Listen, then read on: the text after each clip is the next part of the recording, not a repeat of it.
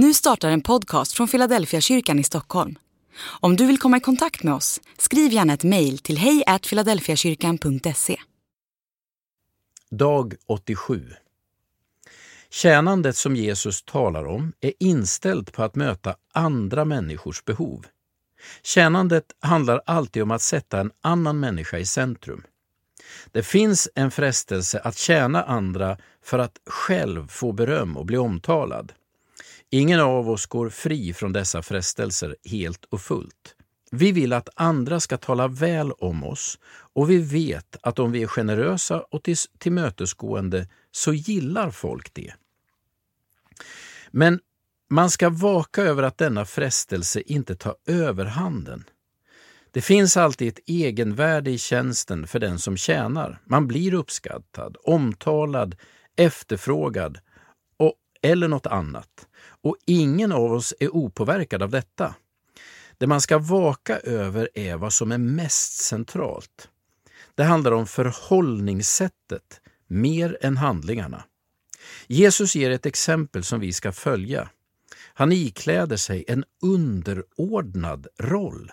Det är därför Petrus reagerar. Signalvärdet i Jesu handlande är en upp och nervänd hierarki. Jesus ska inte tvätta lärjungarnas fötter, det borde vara tvärtom. Här finns en nyckel i det kristna tjänandet. Det skär genom givna hierarkier. Jesus förblir världens frälsare trots att han tvättar lärjungarnas fötter. Men hans inställning är att inte bygga sin egen position på att han är överordnad. Det handlar om en perspektivfråga, hur han ser på sig själv och hur han uppmanar sina lärjungar att se på sig själva. Man kan inte befalla någon att tjäna som Jesus tjänade. Man kan befalla människor att göra samma sak som Jesus gjorde. Man kan inte befalla någon att tjäna som Jesus tjänade.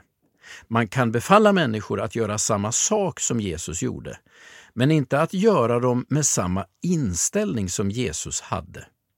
Tjänandet som Jesus exemplifierar är helt frivilligt. Det bygger på en egen övertygelse och inte på yttre tvång eller förväntan.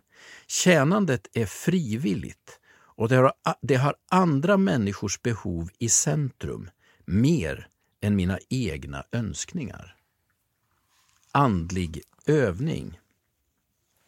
Öva dig på att sätta andra i centrum idag.